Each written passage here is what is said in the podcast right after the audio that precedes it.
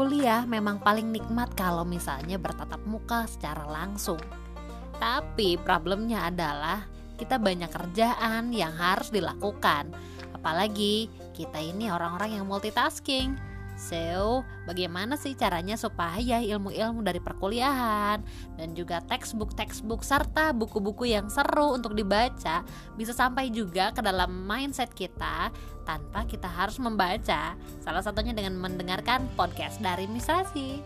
Selamat menyimak.